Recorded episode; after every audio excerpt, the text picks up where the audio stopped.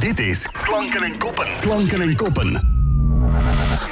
Elke week een interessante gast. Met deze week... John School. Journalist en schrijver, onder andere voor de Volkskrant en het boek Eigen Zaak. Ik heb hem hier.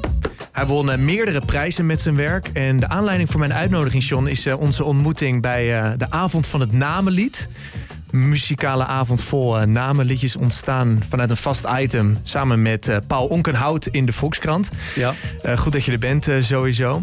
Leuk hier te Ehm, zijn. Ik, ehm, ja, dat boek is, is geweldig, want het is vooral ja, heel veel voor veel mensen heel veel herinneringen ophalen. Voor mij soms wat minder, want ik ben nou eenmaal wat jonger. Maar de verhalen die je leest achter al die namenliedjes, dat is zo interessant. Ik heb het boek eh, thuis liggen en ik mocht dus die avond presenteren. Zeker. Hoe is het om eh, in de muziekgeschiedenis te duiken en regelmatig een, eh, nou ja, een column eraan te wijden? Ja, Paul en ik doen dat zeg maar sinds, denk anderhalf jaar in de Volkskrant. Staat elke woensdag staat er een 500 woorden met een, een namenliedje. Dus een, een, een, vandaag staat eh, Angela van Lee Morgan, een Ja. jazz-trompetist daarin. Vorige week stond Willem erin, van Willem Duin, een Haarlemmer. Eh, volgende week dan wordt het weer een ander. Dit, we hebben er nu al 156 gemaakt. En de eerste 134 die zijn gebundeld. Dus in En Venus was zijn naam. Ja, het is een geweldige klus. Het is echt... Ik moet echt oppassen soms dat ik eigenlijk gewoon, ja, gewoon andere dingen moet doen voor de krant. Serieuze dingen. Maar dan ben ik helemaal weg in de muziekgeschiedenis. En dan wil ik het toch... En dan kan ik er dagen aan zitten. Terwijl het helemaal niet nodig is. Ik kan het ook in een dag doen of in een eh, halve dag. Ja. Maar het, is, ja, het verveelt geen moment. Nee, dat kan me echt voorstellen. Hoe lang kan je nog verder met dit, eh, met dit item? Nou, eigenlijk heel lang, want het, het, het, is, het aanbod is eigenlijk veel groter dan we hebben gedacht. Dus het wordt, ik bedoel, als je eenmaal begint, ik stel zeg maar wat, je gaat nu kijken naar eh, jaren negentig hip-hop. En dan vind je ook wel een namenliedje. Je vindt er zelfs wel twee.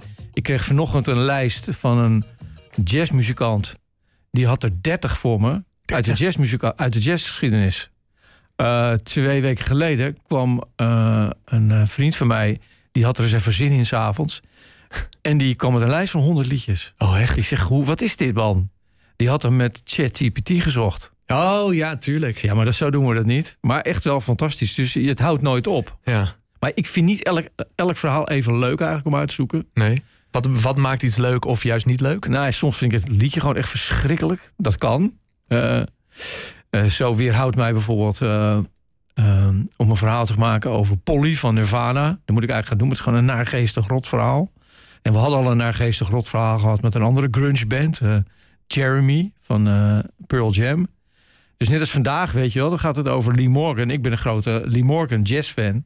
Soul jazz. En daar heb ik echt met zoveel plezier eh, uitgezocht.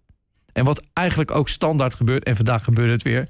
Er is altijd iemand die vindt dat we, dat we zo goed worden gelezen.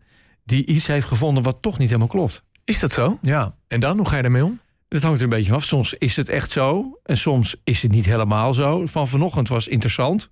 Ehm, ik had geschreven, of wij hadden geschreven... dat Lee Morgan door iemand aan de... eh, nee, dat Lee, dat Lee Morgan was aan de heroïne geraakt. En dat eigenlijk iemand er alles aan had gedaan... om hem eh, daartoe te belemmeren. En de waarheid zat toch weer anders in elkaar. Volgens deze zeer vermaarde jazzkenner... die mij vanochtend mailde. Die zei nee... Art Blakey heeft hem juist aan de heroïne gebracht. Oké, dus daar moeten we iets op verzinnen. Dus op een gegeven moment hebben we er weer zoveel. Dan doen we het in een boek en dan passen we het allemaal Pas aan. het aan, ja, precies. Heb je ooit gedacht dat het eh, uit kon groeien tot een muziekevenement in een vol patronaat? Nee, dat was, dat, dat was wel echt een enorme verrassing. Ik weet nog dat ik boven stond bij de bar. Ik dacht, hé, hoe is het mogelijk dat dit gewoon zo'n geweldige programma is? G- geweldige artiesten. Het was, en zo vrolijk ook vooral. Het is echt een hele leuke avond. Ja, dat was fantastisch. En Ria Valk nam het eh, boek in, eh, in Ja. handen, hè? En jij weet welk liedje, hè? Leo. Heel goed. Nou, ja. toen ging de zaal echt, eh, echt los. Polonaise van hier tot, tot de uitgang, zeg maar. ja, precies. Ja, dat was mooi. Jij schrijft voor de Volkskrant. Nou, we hebben het er net over gehad. Je hebt meerdere boeken geschreven, zoals Eigen Zaak. Ik heb hem hier voor me, waar we het straks natuurlijk over, over gaan hebben. Is er een gemene deler in de verhalen die je schrijft? Eh, dat ik ze heb geschreven. Ja, en los Eh, daarvan? Één. Eh, ik weet het niet. Ik, ik vermoed van wel.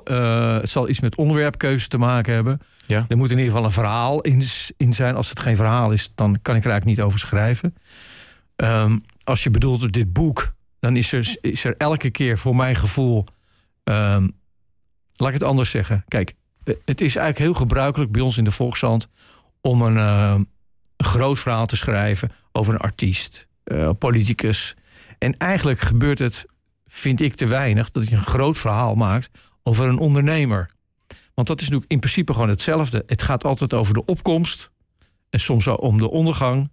Of, of hoe iemand eh, een product in de markt probeert te zetten. Maar het belangrijke en terugkomende element, en misschien zit dat wel in alle verhalen, er is altijd een worstelmoment, Ja. noem ik het. Dus het moment dat het, eh, het, het gaat lukken of het gaat niet lukken. En, en, en dan vervolgens heb heb je het gered. En krijg je weer zo'n moment. Gaat het lukken? Gaat het niet lukken? En dat is wel een belangrijk iets voor een verhaal. En dat bepaalt ook vaak of je goed bent of niet goed. Dus ehm, ehm, je hebt een Amerikaanse auteur, Malcolm Gladwell, die heeft een boek geschreven. Dat heet Het Keerpunt. En die, die, dat, het- dat gaat eigenlijk de hele tijd over bedrijven of eh, epidemieën of van alles en nog wat. Dat er altijd weer in iets, zonder het heel eenvoudig terug te brengen tot dit, dat er altijd wel een soort omslagpunt is. Dus eh, ehm, om maar een voorbeeld te noemen, er staat in het boek Eigen Zaak staat een, eh, ehm, staat een heel groot verhaal over Michiel Peridon. Ja. Michiel Peridon is een miljard, miljonair, misschien wel miljardair. En die ehm, heeft op, is op een gegeven moment heel groot geworden in, ehm, in computerspullen. Ja. Totdat het op een gegeven moment dat hij een fout heeft gemaakt, een verkeerd iemand heeft aangesteld en nog een verkeerd iemand heeft aangesteld. Hij dacht dat hij al er was. Eh, toen is hij eh, overspannen geraakt, eh burn-out gehad. En sinds die tijd zit hij ook aan de Prozac. Maar voor die man was dat een enorme wake-up call. En vanaf dat moment is hij eh, ook enigszins veranderd, misschien als mens. Eh, ehm, hij heeft die worsteling heeft hij moeten doorgaan, doorstaan.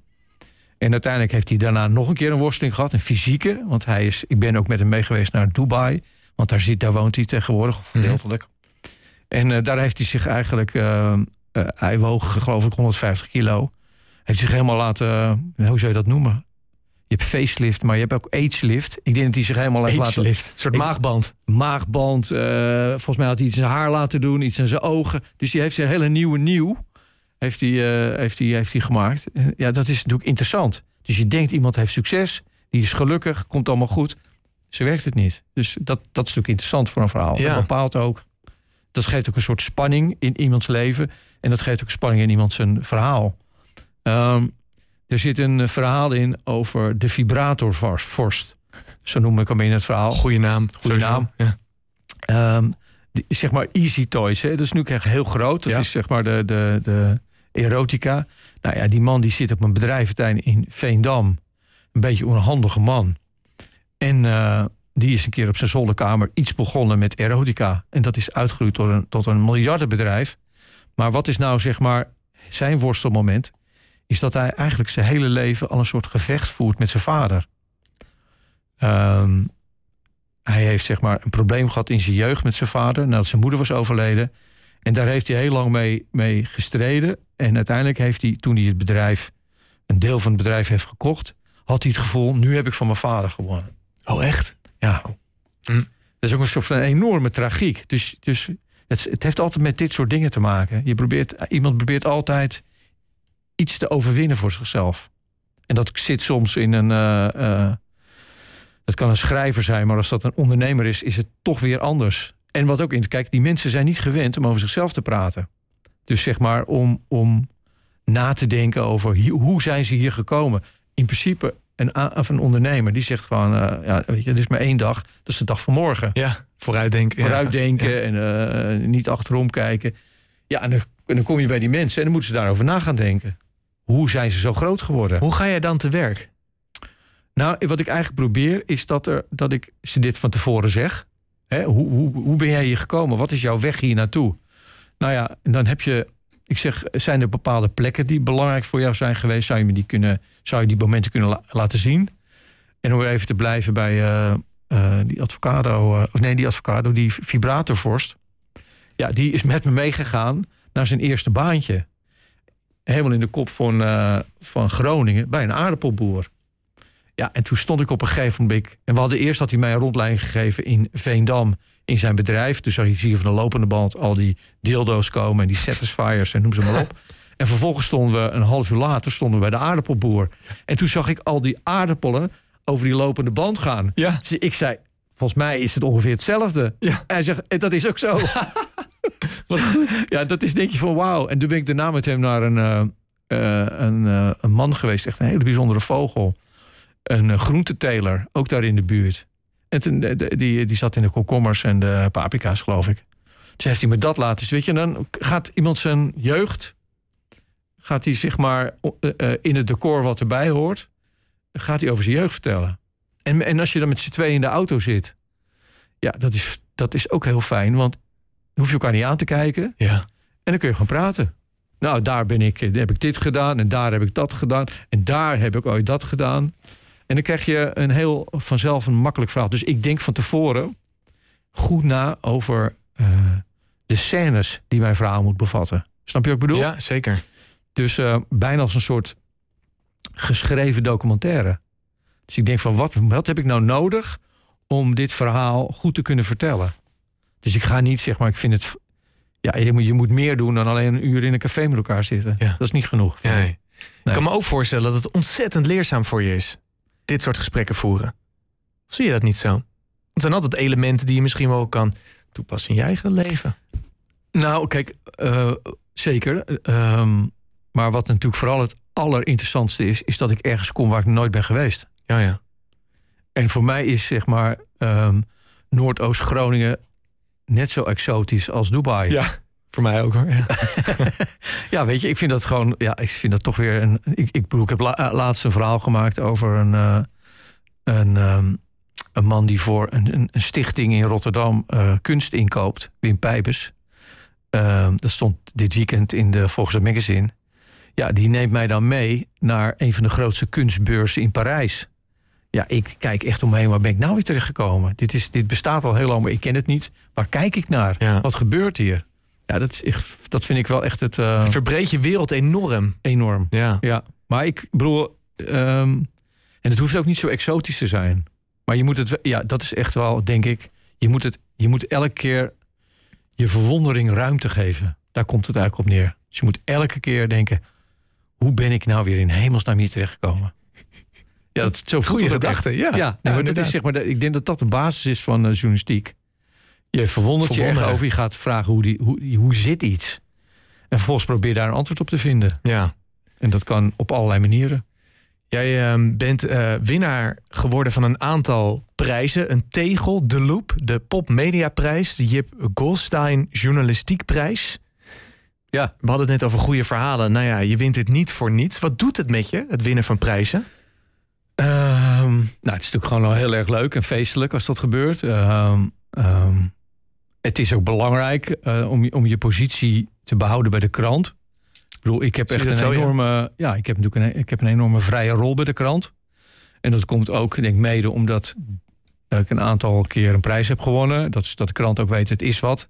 En het niet alleen bij de krant vinden ze het wat, maar ook de buitenwereld vindt het wat. Ehm, het is ook een eh, aanmoediging om door te gaan. Het is ook vooral ook e- ego, weet je. Het is, eh, leuke avond om Tuurlijk. eh, leuk aan om met z'n allen bier te gaan drinken. Ehm, ja, het, ja, het is soms willekeur. Ik heb het, me- ik- het leukste is eigenlijk die keren dat ik het samen met een collega heb gewonnen, met uh, Marijn Rengers. Ehm, de, de, de, de tegel hebben we gewonnen omdat we in 2015 was dat. Omdat we twee verhalen hadden gemaakt waarmee eigenlijk ehm, we de, de, de keerzijde hebben laten zien van een soort energietransitie. Dus we hebben zeg maar alles uitgezocht over de elektrische auto. En dan vooral die ene auto die opeens heel erg populair werd. Ja. De, Tesla. Nee, de Mitsubishi. eh, ehm, Oh. eh, hoe heet dat, die auto ook weer? De Outlander. Ja. Het was een auto. Dus een, echt een kolossale auto. Die was zeg maar voor, ik weet het niet meer uit mijn hoofd, eh, eh, 49.000 euro te koop. En dan kreeg je 30.000 eh, van de Belastingdienst. Eh, omdat het zeg maar voor een gedeelte elektrisch was. Maar je kon er maar ongeveer van hier tot aan de ring in Amsterdam rijden. En er was elektriciteit op. Maar hij was niet hybride, of wel?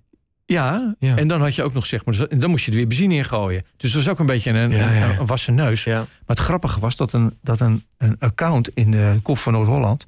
die had gezegd, als je ondernemer bent... dan moet je deze auto eh, aanschaffen, want je krijgt enorm veel aftrek. Ja, oh ja. Maar het sloeg natuurlijk nergens op. Dus er was één garage in eh, de buurt van Horen. Nou, die verkocht er echt. Het hield maar niet op. Maar het was eigenlijk gewoon, nou ja, dat heb ik gemaakt... en nog een aantal van dit soort verhalen. Nou, en ehm, ik heb de Jip Golsteinprijs gewonnen... voor het verhaal over de anale driehoek. Klinkt Eh, gezellig. klinkt gezellig. Dat, ik ben met Willy Wartaal en, en Vice Freddy naar, Van de jeugd. van de jeugd van tegenwoordig... ben ik naar drie plaatsen geweest in België. Reet, Contig en Aarselaar. en, eh, en zijn we daar gaan rondrijden. Ja, er gebeurde natuurlijk ook niet zo heel veel, maar het was gewoon heel grappig. Ja. Toevallig staat komende zaterdag een vervolg op dit verhaal in de krant. Oh ja? Ja, want toen was Pepijn Lane er niet bij. Want die stond op het punt een vader te worden. En nu ben ik met hem niet alsnog naar de Anale Driehoek gegaan. Maar ik ben met hem nu naar de Kop van Noord-Holland. Naar eh, het Kaasmuseum gegaan. Ook eh, behoorlijk lijp. Ja, Wat een leven heb jij.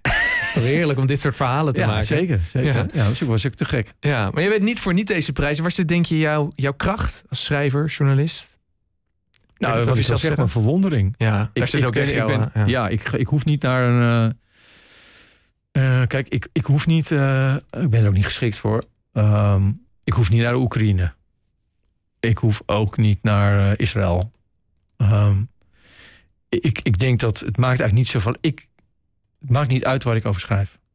Ik bedoel, ik heb vorig jaar echt een heel groot verhaal gemaakt over de OV-fiets.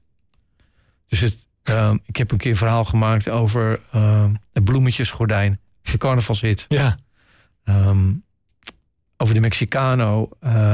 over de mannen van Buienrader. Je kunt alle kanten op. ja, Maar je moet het wel zien. Ja. En je moet het natuurlijk gaan maken. ja. Maar verwonder jij je elke dag nog? Dat je elke keer denkt van, oh, hier kan ik wat mee. Oh, en ja, dat is leuk. Bijna wel. Ja? Ja, het is wel iets. Ik weet niet of het minder is geworden. Nee, het is eigenlijk gewoon. Nee, het blijft hetzelfde. Er is gewoon zoveel te doen. Ja.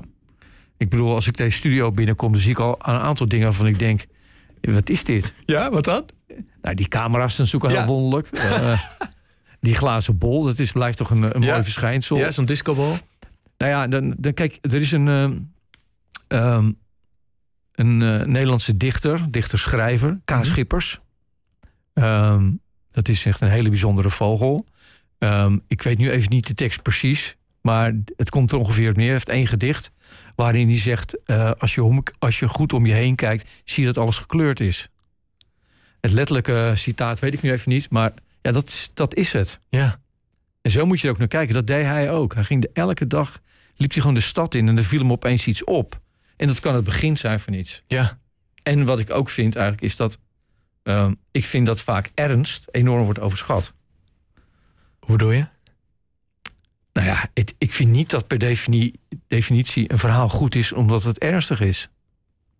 Je kunt, ik vind dat je ook dingen moet kunnen maken over dingen die niet ernstig zijn. En dan moet het net zo goed zijn.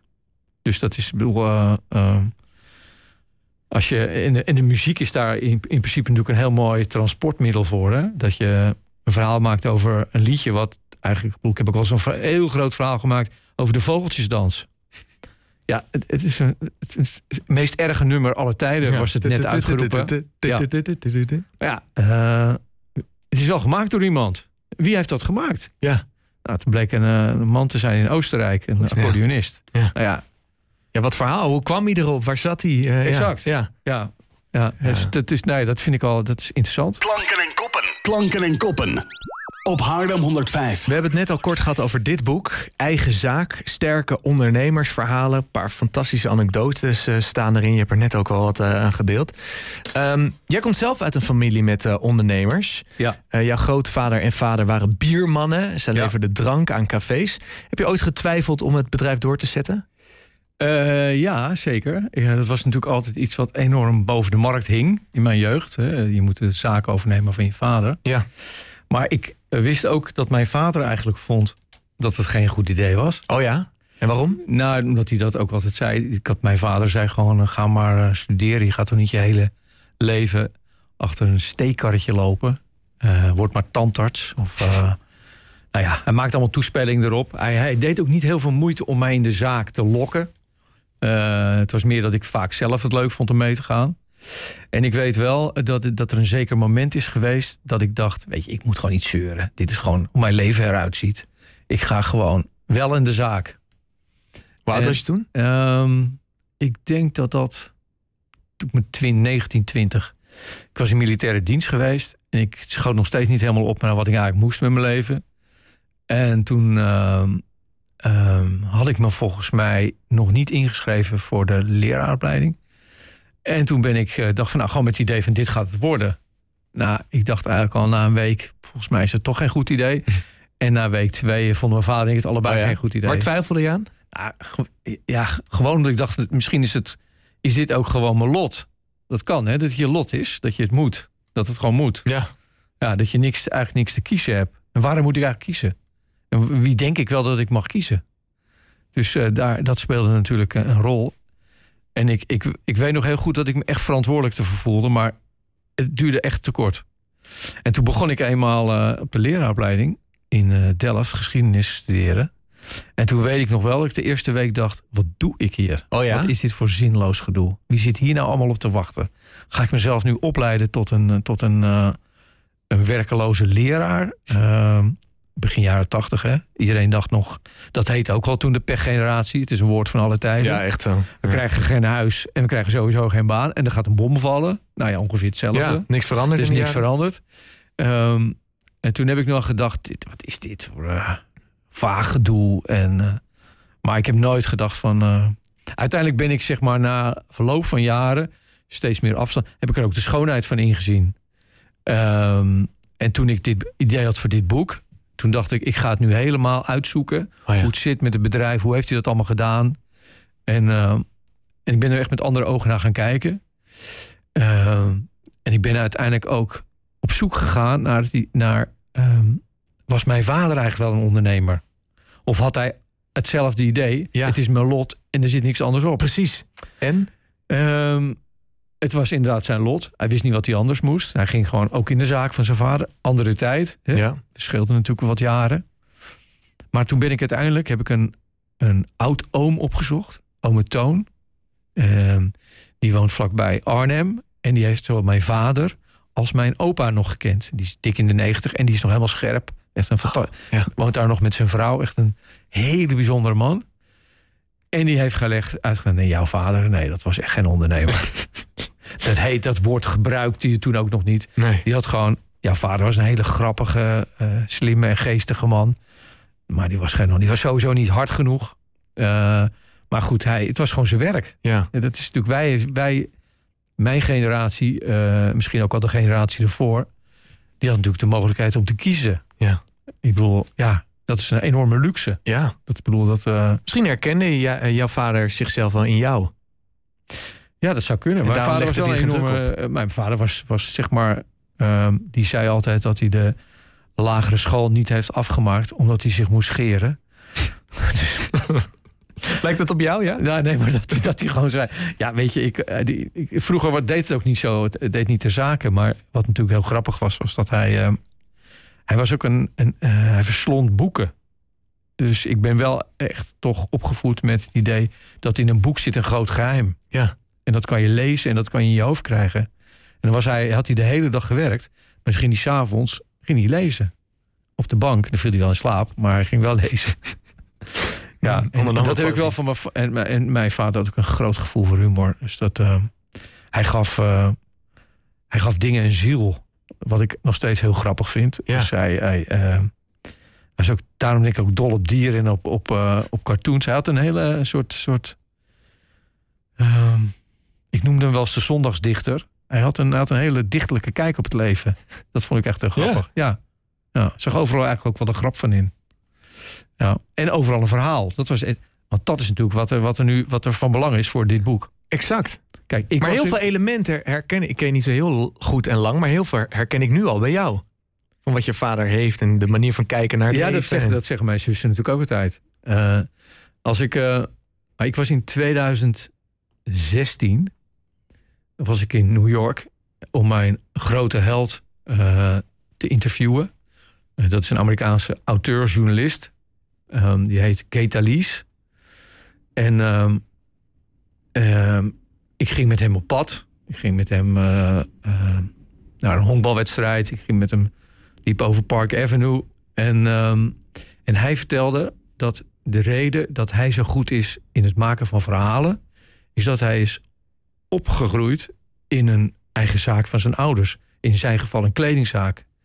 Dus er kwamen mensen die in New Jersey die kwamen een, eh, een pak laten aanmeten, of een, eh, een kostuum of wat dan ook.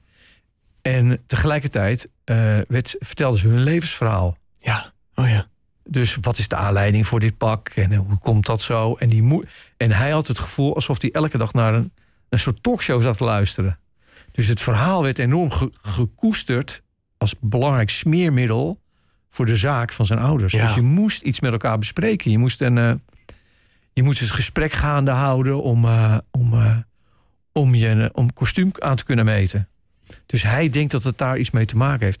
En je dacht, ah, wacht eens even. Dat is natuurlijk gewoon bij ons niet veel anders geweest. Ik bedoel, als ik met mijn vader naar een café was geweest. En ja, dan, dan, dan, dan werd er op een gegeven moment een bonnetje op, op de bar gelegd. En er werd er koffie ingeschonken of eind van de middag een borrel of een bier. En dan, eh, dan, werd er, ja, dan ging de cafébaas, die ging, eh, die ging verhalen vertellen. Ja, tuurlijk. Of mijn verhaal, vader ging verhalen vertellen. Want dat is zeg maar, dat is wat je doet. Je gaat die wisselt anekdotes uit. Je gaat niet vragen, hoe gaat het nou met je? Nee, nee, nee. Komt, nee, je vertelt een sterk verhaal en jij vertelt een ander sterk ja, verhaal. Ja, beetje tegen elkaar op boksen. Een beetje tegen elkaar opboksen. Ja. Exact, dat is wat het is. En eh, ik dacht van nou, dan, heb ik dat, dan moet ik het gedaan hebben. Ja, dat kan juist dat kan niet anders. Nee. Ja. Ja, het is, een, eh, het is ook een heerlijk boek om eh, te lezen, omdat die verhalen stuk voor stuk, eh, nou ja, voor sommigen dus herkenbaar zijn. En ja, het, het zorgt voor een glimlach. Het zorgt misschien ook wat voor een andere vorm van emotie. Kunnen we er nog één uitpakken, John, waarvan je zegt, ja, dat, dat heeft wel een blijvende indruk op mij gemaakt. Een blijvende indruk. Eh, ja, er zijn er eigenlijk wel meerdere natuurlijk. Eh, ik zei net al Peridon. Ja. Eh, wat ik eigenlijk ook een, eh, een echt eigenaardig verhaal vond. En ehm, ook weer een bewijs dat, dat, dat je de werkelijkheid ja, toch niet kunt overtreffen bijna eh, met fictie. Is het, broer, het verhaal van de broers eh, Buienradar. Kijk, het zat eigenlijk zo. Ik vond het eigenlijk al heel lang eigenaardig dat er met slecht weer, dat er zo in, in allerlei kranten over werd bericht van eh, code rood en code dit. Ik dacht, de bedoeling is dat wij allemaal nu naar buienradar gaan. En dan gaan we kijken hoe erg het wordt. Ja. Oké. Ik zeg, wat is dat eigenlijk, buienradar? En ze waren eh, toen net verkocht aan RTL. Dus het was ook behoorlijk groot. En wie zit erachter? Toen vond ik dus drie broers. Ik dacht, nou, ik ga een soort reconstructie maken... ehm, eh, over het leven van die broers. En ik ga een dagje naar buienraden. Wat gebeurt er nou daar bij de redactie? Of hoe doen ze dat? Hoe zetten ze dat in elkaar? Ja. Maar dit is ook echt waar gebeurd. Het was zo wonderlijk. Precies op de dag dat ik bij buienraden was... en dat is zeg maar op het eh, eh, mediaterrein in Hilversum... Ja. was het zeg maar het slechtste weer sinds tijden. Echt. Ja. Ik zat daar en er kwam een, kwam een, een, een, een horrorwolk kwam eraan. En dan zie je dus wat er gebeurt. Ja. Ik denk, wauw, dit is toch ook wat een toeval. En ehm, nou ja, dat had ik zeg maar al binnen. Dat was al heel eigenaardig. En toen kwam ik in contact met de broers. Maar voordat ik een afspraak had met twee broers... belde de derde broer belde mij op. Die zeggen, ja, eh, voordat je mijn broers gaat spreken... het zit heel anders in elkaar. Oh. We hebben allemaal ruzie met elkaar gekregen. Oké, dat hebben we allemaal nog nooit verteld... maar ik vind dat je het moet weten. Ik dacht, oké. Nou ja, dan wordt het al een heel ander verhaal. Dus geen succesverhaal, maar dan gaat het over de broers die een heel belangrijk element uit onze hedendaagse samenleving Ja. hebben opgericht. Die krijgen een bak met geld van RTL. En die krijgen volgens ruzie. En die zien elkaar nooit meer. Ja, dan is het bijna succession. Dan is het, is het, Echt? een, dan Ja. is het een tragedie. En ja, en dat was ook zo wonderlijk. Ik had met die twee broers. Die andere broer had ik nog niet ontmoet. Met die twee broers had ik ergens. Ehm, ik volgens mij bij Zwijndrecht of zo afgesproken. En wat gebeurt er? We zitten midden in een van de ergste windhozen sinds tijden. Trekt het aan of zo? Ja, ik denk, wat is hier? We zaten daar in een heel klein cafeetje, ergens in in een soort park. Een noodweer. Nou, ik dacht, ja, maar hoe kan je dit verzinnen? Ja, echt. Dit is niet, heeft dit nou te maken dan dat je helemaal open staat? En denk je dat er met alles een connectie is? Maar ja, dat was ook zo wonderlijk. En hoe ze uiteindelijk ook... Nou, het is ook nog steeds niet goed. Nee? Nee, nee. Ik heb er laatst eh, een van de broers gesproken. En die zei... eh, nee, het is niet goed gekomen meer. Geen enkele manier. Oké. Ja. Maar wel schatrijk. Ja, en, en ze proberen, dat is natuurlijk ook vaak de tragiek. Hè? Dan heb je een, een hit gehad. En die jongens die waren echt best, best, die waren niet heel oud, die waren dertigers. Wat ga je daarna doen? Ja, want je kunt wel het geld hebben, maar je wil ook wat. Je vindt het ook leuk om iets te bedenken. Om ja, tuurlijk. Je wil ervan te door. Ja, iets je wil- nieuws. Ja. Dus er zijn nu allerlei dingen aan het bedenken die er eigenlijk een beetje op lijken. Maar, eh, Oh ja, maar net ja. niet of zo. Hm. Ja, wat, wat ik ook een heel bijzonder verhaal vond om te maken, ehm, is de dame die ik in het boek de avocado koningin heb genoemd. Sean Harris. Ja, ja, ja. Dat is een Amerikaanse. Ja, Eh, die kwam uit de Midwest. ja. Die kreeg eh, verkering met een F Nederlandse F-16-piloot.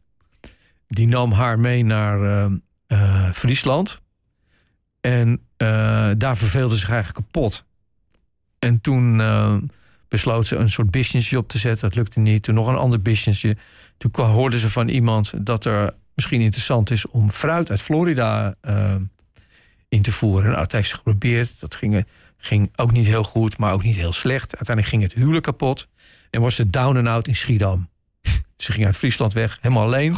De eindiging in Schiedam. Dat Eindigde in. Schiedam. Ja, en eh, toen, eh, daar heb je zeg maar de grootste fruit- en groente eh, importgedeelte van Nederland. Dat komt allemaal daaraan.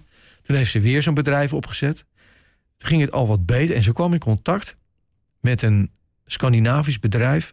En dat Scandinavisch bedrijf zei: Wij moeten iets bedenken om bananen helemaal rijp aan te leveren. Ja, ja. Je hebt rijpkamers. Toen heeft zij eh, eh, een bepaald type rijpkamers ontwikkeld. Maar niet alleen voor bananen, ook voor avocado's. Avocado's, ja. Dus als jij nu in de supermarkt, hè, dan staat er eh ripe. Ja, eat ripe, ripe, eat ripe, twee dingen. ja. Zo'n dubbel altijd. Ja. Dat heeft zij bedacht. Ja, Dus opeens, die, die hele avocado-hype die je in Nederland hebt... en volgens mij, heel, omdat het ook opeens heel erg gezond blijkt ja, te zijn. Je, ja, hebt, je hebt een restaurant in Amsterdam. Avocado En, ehm, ehm, dat heeft zij bedacht. En daarna is ze dat nog een keer overgedaan met de mango. ja, En, dus is, en, en ze heeft ervoor gezorgd in Zuid-Amerika, in Peru en in volgens mij Guatemala... dat al die fruitboeren allemaal avocados zijn gaan eh, ehm, verbouwen. Nou ja, dat is toch ook ongelooflijk. goed verhaal. Het heeft, uiteindelijk heeft ze ook de tent verkocht. Ehm, het is ook nog een keer helemaal afgebrand, de hele zaak.